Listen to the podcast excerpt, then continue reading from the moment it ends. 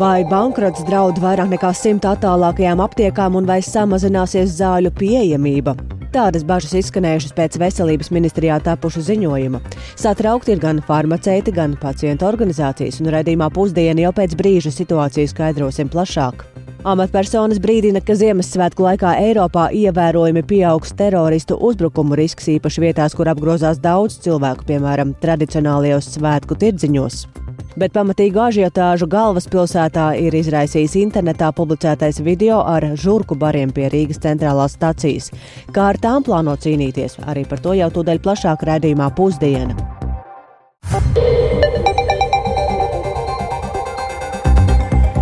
12,5 minūtes. Tas ir ziņu raidījuma pusdienu laiks, kurā runāsim plašāk par šodien, 6. decembrī, būtisko studijā Dāca Pēkšēna. Labdien! Un redzējumu šodien sākam ar satraukumu par to, ka 150 attālākajām aptiekām var draudēt bankrots, ja tiks apstiprināts zāļu pieejamības uzlabošanas plāns. Šāds informatīvs ziņojums ir um, tapis veselības ministrijā, un līdz ministru kabinetam tas gan vēl nav nonācis, bet satraukums par to jau tagad ir gan aptiekām, gan pacientu organizācijām. Un lielāku skaidrību šajā jautājumā ieviesīs kolēģi Zāne Eniņa. Viņa ziņojumu ir izlasījusi un uzklausījusi arī sabiedrisko organizāciju iebildumus. Sveika, Zane! Nodoms taču it kā labs padarīt zāles pieejamākas, um, kādas ir pretenzijas. Jā, patiešām par to taču liecina gan ziņojuma nosaukums, gan šķietami arī dažādie pasākumi, kas tajā ietverti, piemēram, panākt, ka recepšu zāļu cenas Latvijā nepārsniedz tā paša ražotāja pārdošanas vai vairumtirdzniecības cenu Igaunijā un Lietuvā. Vēl kāds piedāvājums visām recepšu zālēm, kuras nav kompensējamo medikamentu sarakstā, noteikti 5% kompensāciju. Bet eh, šis solis tikai izskatās pēc pretimnākšanas. Tas nav racionāls, proti valstī tas izmaksātu gandrīz 7 miljonus ik gadu, bet katrs pacients individuāli to visticamāk nemaz neizjustu. Tas arī neatbilst kompensācijas sistēmas principiem, tā teica Latvijas pacientu organizāciju tīkla vadītāja Baiba Ziemele. Nu, mums šķiet, ka pirmkārt kompensējamo zāļu sistēmas mērķis ir palīdzēt tiem cilvēkiem, kuriem atbalsts ir visvairāk nepieciešams. Tas nozīmē, ka tas ir medikamentiem, kas maksā ļoti dārgi ikdienā lietošanai, kas ir kaut kādām ļoti kritiskām slimībām, taču parastie recepšu medikamenti, kas nav iekļauts kompensējamo zāļu sistēmā, visbiežāk ir kādām uh, salīdzinoši parastām slimībām. Attiecīgi, ja cilvēkam ir nepieciešams kāds medikaments, kurš nav iekļauts uh, kompensējumu zāļu sistēmā, viņam vienmēr ir iespēja vērsties individuālajā kompensācijā šo medikamentu pieprasīt. Latvijas pacientu organizācija tīkla vadītāja Baiba Ziemele daudzus citus ziņojumā ietvertos priekšlikums gan vērtēja atzinīgi. Piemēram, plānu samazināt PVN zālēm, pašlaik tie ir 12%, jau pieminēto cenu izlīdzināšanu ar kaimiņu valstīm un jaunas piecenojumu sistēmas ieviešanu bet citādi tas izskatās no aptieku perspektīvas. Ja veselības ministrijas plāni tiktu īstenoti, daudzām aptiekām tas nozīmētu pastāvēšanas galu. Tā vērtē Latvijas farmaceitiskās aprūpas asociācijas izpildu direktore Kristīna Jučkoviča. Šādas idejas, it īpaši, ja mēs runājam par uh, konkrētām jau uh, izmaiņām kompensējumu medikamentu sistēmā, kas nav sistēmiskas izmaiņas, varētu nest sev līdzi līdz pat 150 aptieku lielākoties reģionos bankrotu un šīs aptiekas varētu beigt pastāvēt vienkārši tāpēc, ka izdevumi pārsniegs ieņēmumus un iedzīvotājiem vienkārši šāds pakalpojums nebūs pieejams. Kristīna Jučkoviča skaidroja, ka ziņojumā ietvertie priekšlikumi aptiekām paredz ļoti daudz jaunu pienākumu, piemēram, uzturēt sistēmu, lai sabiedrībai būtu pieejama informācija par zāļu krājumiem katrā konkrētajā aptiekā. Bet vienlaiks ziņojums eh, aptiekām liek rēķināties ar ienākumu samazinājumu, un kopumā visi plāni tapuši vispār nekonsultējoties ar aptieku un lieltirgotavu sektoru. Līdz ar to tajā nav nekāda redzējuma ne par farmaceitu lomu, ne par farmaceitiskās aprūpas attīstību. Tāpēc farmaceitiskās aprūpas asociācija aicina valdību ziņojumu nepieņemt. Par cik straujām pārmaiņām mēs šajā gadījumā runājam un kad šīs izmaiņas varētu stāties spēkā? Ziņojumā ietverti uzdevumi sagatavot atbilstīgas likuma izmaiņas līdz nākamā gada vidum lielākoties, bet kompensējamo zāļu sarakstu būtu paredzēts pārskatīt jau līdz nākamā gada aprīlim ar piebildi, ka tas darāms atbilstīgi piešķirtajam finansējumam. Tā ka dažas pārmaiņas varētu notikt jau nākamgad, bet citas turpmākajos gados, kad šiem mērķiem acīm redzot būtu paredzēta nauda budžetā. Vēl tikai piebildīšu, ka tieši zāļu pieejamības sakārtošanu par vienu no sava darba prioritātēm bija virzījis eh, veselības ministrs Hosams Abumēri no jaunās vienotības, un to, kā viņš atspēko sabiedrisko organizāciju kritiku un pārmetums par steigā tapušo plānu, varēsim uzzināt rīt no rīta, jo ministrs būs rīta programmas Labrīt viesis. Paldies Zanai Heniņai, tātad saruna ar veselības ministru rīt no rīta raidījumā Labrīt. Bet eh, par citu tematu runājot, ir sākusies to jauniešu izvērtēšana, kas ir pieteikušies šajā iesaukumā valsts aizsardzības dienestam, un kopumā ir saņemti 515 pieteikumi, 60 no viņiem jau ir atzīti par dienestam derīgiem, un izvērtēšana tātad turpināsies vēl līdz 20. janvārim. Aizsardzības ministrijā prognozēja, ka apmēram trešdaļa no jauniešiem tomēr tiks atzīti par dienestam nederīgiem, un tāpēc 23. janvārī ir paredzēta izloze, kurām atlikušos pretendentus dokumentus iesauks jau obligātā kārtā. Un šim tematam šodien seko līdzi mana kolēģa Paula Dēvica, ar kuru esam šobrīd sazinājušies. Sveika, Paula! Un jāteic, ka vien pāris dienas pirms pieteikšanās beigām brīvprātīgo bija vien pāris simti, kas tomēr veicināja šo jauniešu straujo interesi tieši pēdējā brīdī. Jā, labdien! Tā tiešām bija. Vēl 29. novembrī ziņojām par 250 pieteikumiem, un tad arī tika publiskot šis lēmums rīkot atlasi arī obligātā kārtā, jo ar šiem 250 acīm redzam nebija pietiekami, jo plānots, ka nākamvasar dienēt būtu jāsāk 480 jauniešiem. Taču pēc tam līdz 1. decembrim pieteikumu skaits pat vairāk nekā divkāršojās, un aizsardzības ministrija div, min divus iemeslus. Viens no tiem ir aktīvā informatīvā kampaņa, bet otrs ir tas, ka visticamāk, ka brīdī, kad paziņoja par šo te obligāto iesaukumu, daudzi saprat, ka viņiem izdevīgāk būs pašiem pieteikties, jo, kā paredz likums, brīvprātīgajiem pienāks lielāki labumi, piemēram, ikmēneša kompensācija ir 600 eiro, bet tiem, ko iesauc obligāti, tā ir divreiz mazāka. Tāpat brīvprātīgajiem pēc dienesta pieejams valsts budžeta vietas augstskolās, kā arī ir kopumā lielāks izvēles iespējas saistībā ar pašu dienestu, un šie tad būtu jātie galvenie motivātori ministrijas ieskatā. Dace? Jā, Paula, tā tad izvērtēšana turpinās. Um, precīzu skaitu noteikti vēl pagaidām nevar pateikt. Un tomēr, vai ir kādas prognozes, cik aptuveni cilvēku būs jāiesauc obligātā kārtā? Jā, kā tu minēji, precīzi skaits, protams, nav zināms, jo, lai arī pieteikumu skaits pārsniedz šobrīd šo 480 cilvēku slieksni, uh, kam būtu jādienē, visticamāk, tātad derīgo jauniešu skaits būs krietni mazāks, tātad vidēji atbirums ir 30 līdz 40 procenti, un lielākoties šis atbirums ir tieši veselības stāvokļa dēļ, un uh, nav noslēpums, ka, lai, dienās, lai dienātu, ir jāatbilst konkrētiem tātad veselības kritērijiem, taču, diemžēl, uh, liela daļa jauniešu tiem neatbilst. Ir arī citi iemesli, piemēram, kādam tā var būt sodāmība, taču tie nav tādi dominējoši iemesli, kādēļ kāds nevarētu dienēt. Uh, un kā ziņo aizsardzības ministrijā, tad uh, viņi arī salīdzinājuši ar citām valstīm, kurās ir obligātais dienests, un te, šis atbi, atbiruma īpatsvars uh, Latvijā ir normāls. Mēs īpaši neizceļamies ar to. Jā, tātad uh, brīvprātīgā pieteikšanās ir noslēgusies, un faktiski uh, līdz 20. janvārim šobrīd notiks uh, izvērtēšana uh, bruņoto spēku medicīnas centrā dodas šie pie, cilvēki potenciālie, kuri dienēs un veids pārbaudas, un tad arī pieņem lēmumus. Uh, un uh, tad visticamāk līdz 20. janvārim būs zināms kopējais skaits, kas tad varam prognozēt būs šie 30-40%. Uh, un skaidrs, ka iesauks vairāk nekā vajadzīgs, uh, jo arī tur jārēķinās ar to, ka uh, jāiet būs šīs veselības pārbaudas un ne visi arī obligātā kārtā iesauktie atbildīs šīm prasībām. Un vairāk par, atbild, uh, par atlasi paskaidros aizsardzības ministrijas valsts sekretārs Jānis Garisons. Paklausīsimies! Un atlase tad notiks attiecīgi sadalot proporcionāli pēc jauniešu deklarētajām vietām, attiecīgi novados, un tad proporcionāli no katra novada tad tiks skaidrs attiecīgi arī atlasīts. Būs arī izveidota attiecīgi gan šī atlases komisija, lai nodrošinātu caurspīdību, un, protams, arī tiks pieaicināti novērotāji, kas var novērot šo procesu. Jā, un šodien arī ministrija atklās vairāk detaļas par šo te atlasi tam speciāli rīkotā diskusijā, un to starp citu arī interesanti var paši vērot divos pēcpusdienā portālos RXLV, un arī mēs Latvijas radio par jaunumiem valsts aizsardzības dienestā ziņosim raidījumā pēcpusdienu. Paldies, Paulai Devicai. Gaidīsim tavu stāstu raidījumā pēcpusdienā, bet um, runājot par drošību Eiropā.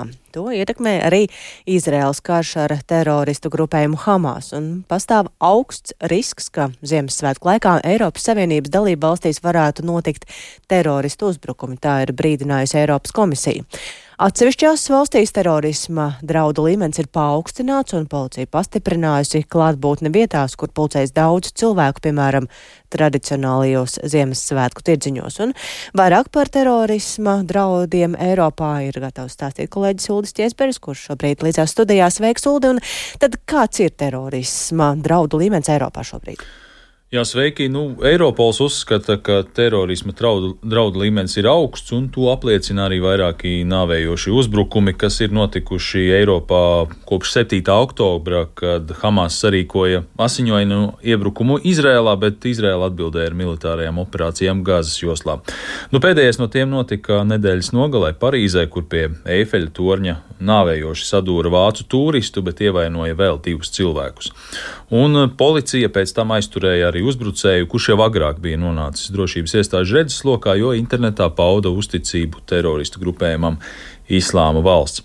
E, jauna Eiropas Savienības iekšlietu komisāra Ilva Johansone vakar paziņoja, ka tuvākajās nedēļās, kad Eiropā gatavosies Ziemassvētku un jaunā gada svinībām, būtiski pieaugs teroristu uzbrukumu risks, un tad varam arī paklausīties šo viņas teikto. With the Ņemot vērā Izraels un Hamas karu un tā izraisīto polarizāciju mūsu sabiedrībā, kā arī tuvojošos svētkus, Eiropas Savienībā pastāv liels teroristu uzbrukumu risks. Mēs to nesen redzējām Parīzē. Diemžēl mēs to esam redzējuši arī agrāk.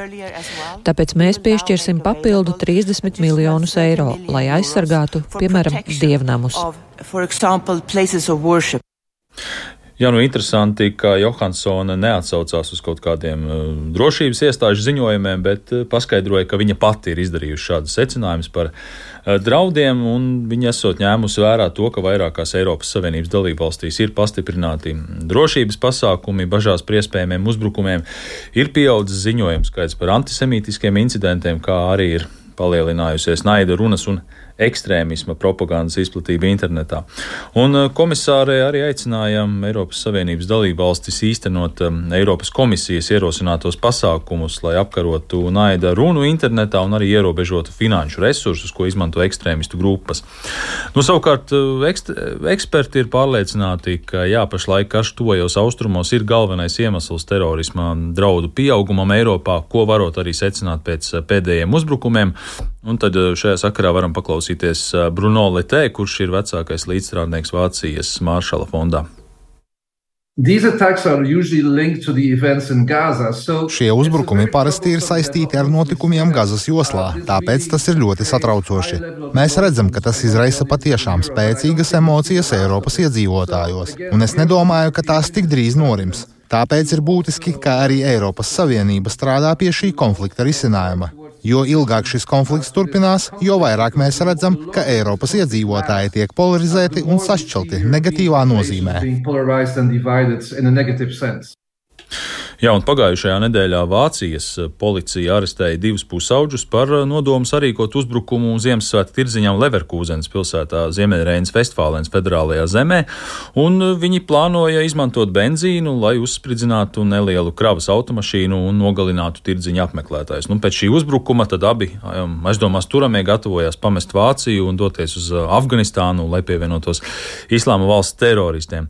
Nu, un Vācijas konstitūcijas aizsardzības birojas arī pagājušā nedēļā paziņoja, ka pašlaik valstī terorisma draudi ir augstākie vairāku gadu laikā, un vislielākās bažas radot tieši tā dēvētie vientuļie vilki, kuri var darboties bez pazīstamu teroristisko grupējumu palīdzības, un tāpēc viņus ir arī grūtāk atklāt un notvert. Paldies Uldim Česberim par šo plašāku stāstījumu par terorismu draudiem Eiropā šajā svētku laikā. Bet pašmājās šogad ir mazinājies bioloģisko saimniecību skaits. Viens no iemesliem esot, ka tām trūkstot atbalsta laikā, kad mainās lauksaimniecības politikas plānošanas periodi. Tā norāda nozares asociācijā, un tas nozīmē, ka mazākās saimniecības aiziet no nozares, bet um, tās, kas paliek, eksperimentē un cenšas kļūt neatkarīgas. Uz vienu no tādām, kur audzē arī Briseles kāpostus, devās Sintīna Ambota un plašāk par to viņas reportāžā. Šeit ir vismaz 10-20 cm sniegs un neliels lauks ar Briseles kāpostiem. Jā kas šobrīd izstāsta kā tādi rūķi sastinguši, apsnieguši baltām micītēm.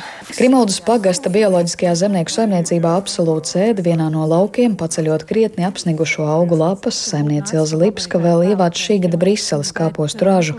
Viņa stāsta, ka vasarā ilgstošais sausums krietni pagarinājis šī dārzeņa ievākšanas periodu, bet to ievākt var arī Ziemassala laikā. Briseles kāpostus var vākt, griežot nost visu augu. Bet mēs tā nedarām, jo ir bijuši ļoti veiksmīgi gadi, kad uh, janvārī uznāk tāds diezgan silts laiks, un viņi turpina augt. Ir tā robeža kaut kāda mīnus 11 grādi, ko pēc mācību grāmatām skatās Briseles kāpostus var nepārdzīvot, viņš nosals. Bet es domāju, tas ir tādā kailsalā. Šeit viņš ir tomēr sniega cepurītes, sniega sagas sasakts, un, uh, un līdz ar to var izturēt lielākus mīnusus. Nelielajā incījuma saimniecībā audzē plašu dārzeņu klāstu un pieprasījums ir arī pēc neierastajām dārzeņu kultūrām. Tieši Briseles kāpostus Lipsku ģimene audzē jau septiņus gadus, tiesa gan bez laika apstākļiem. Ražas apjomu bieži korģē arī stīrnas, kas viesojas saimniecības lauka malā arī mūsu sarunas brīdī. Un mēs dzīvojam ļoti skaistā vietā pie Gaujas Nacionālā parka, Incījuma Senkrasta rezervāts. Ir iekšā, ah, reku staigām garas žoga. Skaties, tikko viņš ir ienākuši no kaimiņiem. Mēs tagad likām to žogu tā doma bija, nu, nebūs vajadzības, viņi neliks pāri. Gāž ārā, viņi to žogu viņiem acīm redzot, kaut kur citur mazāko ēst. A šeit viņi jūt, Un tas kāpos tajā brīdī, kad viņš sasalst, viņš uh, izdala aromātu. Ilze un Juris Lipski sāka saimniekot tikai pushektāru lielā zemes gabalā, bet tagad lauka un siltumnīcas dārzeņi aug 3 hektāru platībā. Krimoldas pagasta dārzkopji gadu gaitā pakāpeniski kļuva par bioloģisku saimniecību, kurā arī izaicinājumus rada gan laikapstākļi, gan inflācija, gan līdz šim samazinātās PVN likmes palielināšana dārzeņiem, gan bioloģisko sēklu iegāde, bet dzīvotspēja tas neapdraud un ģimene ir apmierināta ar izvēlēto dzīvesveidu. Mums, teiksim, lauks. Sākam mēs kaut kādā aprīļa beigās. Pilnīgi principā tukšs lauks. Un tad ir tā, līdz jūlijā vidum viņš pildās lēnām. Tā ka tu nekad nestādi visu uzreiz. Ik pa divām nedēļām mēs stādām nākošos. Mm. Tas sanāk, mums pirmais laika ir svaigs produkts, un otrs mums nav vajadzīgi 20 cilvēki, lai to izdarītu. Mums ir tas plus, ka mēs neesam atkarīgi ne no kādām valsts finansējumiem. Mm. Nu, tas, ka mēs nekādām Eiropas uh, subsīdijām nepa, nu, nepiesakāmies un attiecīgi mēs darām savā saimniecībā tā, kā mums uz to brīdi ir visizdevīgāk. Savukārt kopumā nozarē šogad iezīmēs negatīva tendence, jo bioloģisko saimniecību skaits sarucis. Bioloģiskās lauksaimniecības asociācijas vadītājs Gustavs Norkārklis norāda, ka no bioloģiskās sektora visvairāk aizgājušas mazās saimniecības un piena lopkopības saimniecības. Tas ir ekonomiskais izaicinājums, arī saimnieki novecoja ceļš mazām saimniecībām, jaunie nenāk vietā. Ir, kas pārtrauc vispār darbību, ir, kas maina savu darbības nozari, bet viens arī, protams, mainās tas politikas plānošanas periods, lai arī Eiropas Savienībā ir prioritāte bioloģiskai ražošanai kā viens no mērķiem zaļā kursa Tad Latvijā tā politika, diemžēl, motivācija atbalsta sistēma nu, diezgan vāja ir attiecībā uz bioloģisko ražošanu, tāpēc daudz lauksaimnieku apsvēra un nobijās un neizvēlējās palikt bioloģiskā ražošanā, un citi atkal savukārt, kas varbūt bija plānojuši, nepārgājas bioloģisko ražošanu. Asociācijā norāda, ka pērn bija reģistrēts vairāk nekā 4000 bioloģisko saimniecību, bet pat labāk ir ap 3600. Savukārt bioloģiski apsaimniekotās platības samazinājušās par aptuveni 5000 hektāru. Sinti Ambote, Latvija. Latvijas radio. Un, ja lauksēmniekiem, kā tikko dzirdējām ierakstā, nelūgtās viešņas ir stīrnes, ar kurām nākas dalīt ražu, tad eh, galvaspilsētā citi krietni mazāka izmēra dzīvnieki - žurkas. Tās ir pārņēmušas Rīgas centra un sabiedrībā lielu rezonanci un arī šoku ir radījis sociālajā platformā X publicētais video, kurā pie vienas no atkritumu tvertnēm centrālās stacijas laukumā ir redzami vismaz desmit ložņājoši un izsalkuši grauzēji. Šim tematam šodien ir pievērsies kolēģis Viktors Zemīdovs. Sveiks, Viktor! Kāda ir tava iespēja par šo situāciju? Cik saprotu, arī tu pats šodien esi devies un um, redzējis šo žurku midzeņa vietu. Jā, sveicināti. Nu, vakar vakarā internetā publicētajā video redzams, ka Rīgas stacijas laukumā tūpīja likvidētās azartspēļu vietas apkārt atvērtajai atkritumu tvertnei skraida pelēki aktīvi grauzēji ar garu kailu asti, un tas video, tie video redzams, nu, ka skraida vismaz desmit žurkas, kas, nu, teiksim tā, ne īpaši baidās no uh, filmētājiem, turpinot savā nodabā meklēt kādu ēdienu. Un par to cilvēki internetā ir visai sašutuši, rakstot uh, emocijām pilnus komentārus, nu, kā piemēru, ka tik lielas nekārtības nebija pat pagājušā gadsimta 90. gados, un tik tiešām arī es uz, šu, uz to vietu šorīt aizdevos. Uh, pašas žurkas gan nemanīju, bet redzēju iespēju iespējīgi izmēra alu, un uh, tā ala ir atrodas tieši starp um, tātad atkritumu tvērtni un kupenu, un attiecīgi tā ir itin dziļa, diametrā arī kādus centimetrus desmit liela, un tad es arī aprunājos ar garām gājējiem, um, kā viņi vispār vērtē to video, kas ir publicēts un tagad uh, klīst pa internetu, un vai viņi vispār ir paši redzējuši, un tad lūdzu noklausīsimies uzrunātos. Viņi te visu laiku pa tiem musaniekiem skraida, jo te viņa māja ir. Te ir daudz. Izbrīna jums pašam tas? Nē, tas Kāpēc? ir normāli. Norma? Nu, jā. Tā kā visi grib ēst un dzīvot. Tur lai viņi dzīvo. Netraucē, jā? Nē. Alla. Ārprāts. Ko jūs vispār teiktu par tādām? Jūs zinājāt, ka šeit ir žurkas? Nē. Pirmo reizi. Nebrīnos katrā gadījumā. Kāpēc? Es nezinu, nu, to sakoptīgi Rīgas centrā ir kā ir. Zin? Nu, tas tā tipiski, zin, Rīgā dzīvojot daudzreiz sanāk, ka mēdz aizkavēties. Un, tādēļ, ka jūs pieminat žurks, es nezināju, ka tāda lieta eksistē šeit, bet Ja jūs sakat, ka tā ir, tad es, es saku, vēlreiz es nebrīnos. Neko nezinu, tā kā es arī īpaši par sociālajiem tīkliem nedzīvoju, tad es neko nezinu. Tad jūs man tagad nobiedējāt. Protams, tas ir briesmīgi, bet nu, mazāks kā meža cūks. Izbrīna jūs tas? Tas, ka pašā centrā tas izbrīna, bet ja kaut kur kādā nomalē, kur atkritumi, tur droši vien nē. Tas jau ir viņa vieta. Ja. Tālūk pie Rīgas centrālās stacijas uzrunātie cilvēki. Es arī vērsos pie tirzniecības centra Origo, kas ir nu, stacijas, tātad kopā ar staciju viņi ir dala to teritoriju. Un pagaidām atbildes vēl nav. Kā tad viņi komentē to, vai teritorija būs sakopta vai nē, vai viņi vispār zina par to, nu, kā jau minēju, tad atbildes pagaidām nav. Um, Kā ir ar um, Rīgas domas kādu komentāru vai citām iestādēm tādu tev ir izdevies iegūt?